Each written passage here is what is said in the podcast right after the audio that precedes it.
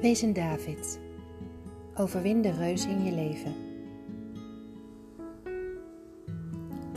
Ken je dat gevoel dat je vreselijk tegen iets opziet en gelooft dat je iets nooit gaat lukken en dat je beter kan opgeven? Heel menselijk zijn zulke gedachten en ik ben ervan overtuigd dat iedereen dit soort gedachten kent. Maar geef je als je zulke gedachten in je hoofd krijgt, dan ook maar gelijk op?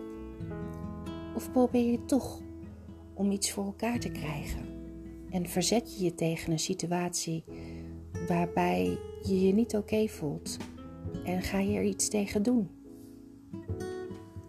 Sommige mensen zien vaak veel beren op de weg en obstakels in hun leven en zijn er stellig van overtuigd dat ze niets aan de situatie kunnen veranderen.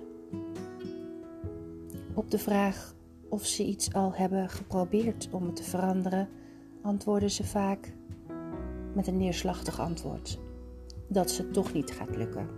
Dus waarom zou ze het dan gaan proberen? Ik wil anderen in hun waarde laten en niet over hun oordelen, want een ieder heeft wel eens bij de pakken neergezeten en heeft zich wel eens in de put gevoeld. Bovendien kan niemand beoordelen wat een ander aan kan. Wat zij al hebben doorgemaakt in hun leven en waarom hij of zij zo reageert zoals die doet. Om eerlijk te zijn, laat ik in sommige gevallen ook wel eens bovengenoemde reactie als eerste zien. Toch ben ik van mening om, nadat je geconfronteerd wordt met een nare situatie, eerst de emotie te mogen voelen en je gevoelens te kunnen verwerken. En nadat je deze gevoeld en geaccepteerd hebt, geef dit je een keuze om er iets mee te doen. Ga je er tegen in of laat je het rusten en onderneem je verder geen actie? Problemen zorgen en moeilijke situaties kunnen allemaal als reuzen aanvoelen in een mensenleven. En ieder weet dat reuzen gigantisch zijn van omvang en dat het een geweldige strijd gaat zijn voordat zo'n reus geveld gaat worden. Toch is het niet ondenkbaar om ze te verslaan.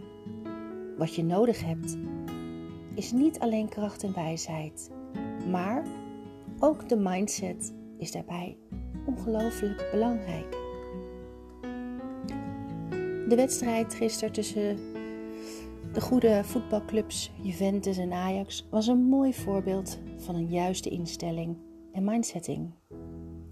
Juventus staat namelijk bekend als een club die golfgeschut inzet door sterke spelers en goede talenten in te kopen en hebben net als Ajax hun naam gemaakt in de voetbalwereld en als je zo'n grote club als Juventus als tegenstander hebt, zou je kunnen gaan doen denken en ervan uit kunnen gaan dat je niet zult winnen en totaal geen kans maakt. Maar je kan ook het tegendeel willen bewijzen en willen strijden. In de rol van underdog kruipen en jezelf als team ervan overtuigen dat jullie een kans maken. Er zijn dus twee soorten acties, handelingen. 1. Het opgeven. Of 2. Het proberen en van daaruit mogelijk de reuzen verslaan. Zo is het ook met problemen in iemands leven. Ga je ze tackelen en overmeester je ze? Of leg je je bij de situatie neer en blijf je jezelf miserabel en onderdrukt voelen. Het gaat dus ook een heleboel om je instelling en hoe jij als persoonlijkheid en persoon in de wereld staat. Bij mij speelt er nog een hele belangrijke factor mee, wellicht de belangrijkste. En dat is voor mij mijn geloof in God. Persoonlijk trek ik me op aan de personages en de verhalen uit de Bijbel. En vertrouw ik er rotsvast op dat dezelfde God ook mijn helper is. als ik te maken krijg met tegenslagen en confrontaties aangaan met mensen die het onrecht lief hebben, heb ik gemerkt dat ik onmiddellijk teruggrijp naar het Bijbelse verhaal van David en alle bovennatuurlijke hulp verwacht van mijn God. Ja, de kleine jongen die de schapen hoede, die de harp bespeelde, wolven en andere roofdieren wegjoeg van de kudde met zijn slinger. Hij was erg groot van geest. Hij was de David, die niet bang was voor de reus, Goliath, en zijn vertrouwen bouwde op Gods bijstand, daar waar hele legers soldaten verzaakten en nalieten om de reus te verslaan, versloeg David hem slechts met een katapult en een steen in zijn hand. Toch was zijn allergrootste wapen niet zijn katapult, maar zijn geloof in God. Enige jaren terug, toen ik mijn strijd streed tegen een instantie die wel heel erg onrechtvaardig te werk ging en leugens boven de waarheid prefereerde, ervaarde ik Gods krachtige aanwezigheid heel sterk. In tijden waarop ik me als mens erg klein, zwak en kwetsbaar voelde, ervaarde ik God die me sterkte. Hij versloeg letterlijk de grote boze reus in mijn leven en daar ben ik hem tot op de dag van vandaag meer dan dankbaar voor.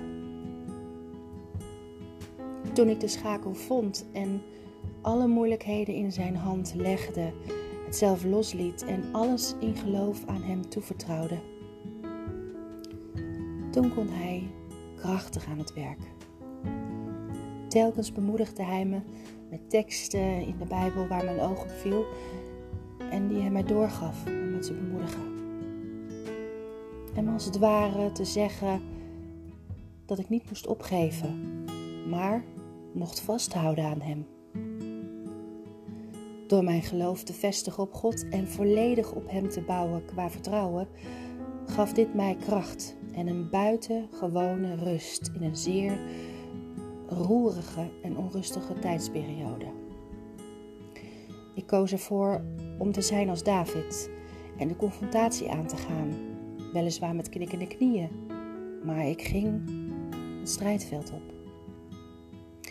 Daarom wil ik een ieder adviseren om ook een David te zijn en samen met God de confrontatie met de reuzen in je leven aan te gaan en ze met Zijn hulp te verslaan. Blessings van Wanda. 2 Korintiërs 12, vers 9 en 10. Maar de Heere antwoordde telkens weer: Mijn genade is goed genoeg voor u. Want kracht ontplooit zich ten volle in zwakheid. Daarom durf ik mij toch op mijn zwakheden te beroemen, omdat dan de kracht van Christus in mij gezien kan worden. Daarom kan ik zelfs blij zijn over zwakheden, beledigingen, noodsituaties, vervolgingen en moeilijkheden die ik ter wille van Christus moet verdragen. Want als ik zwak ben, ben ik pas sterk.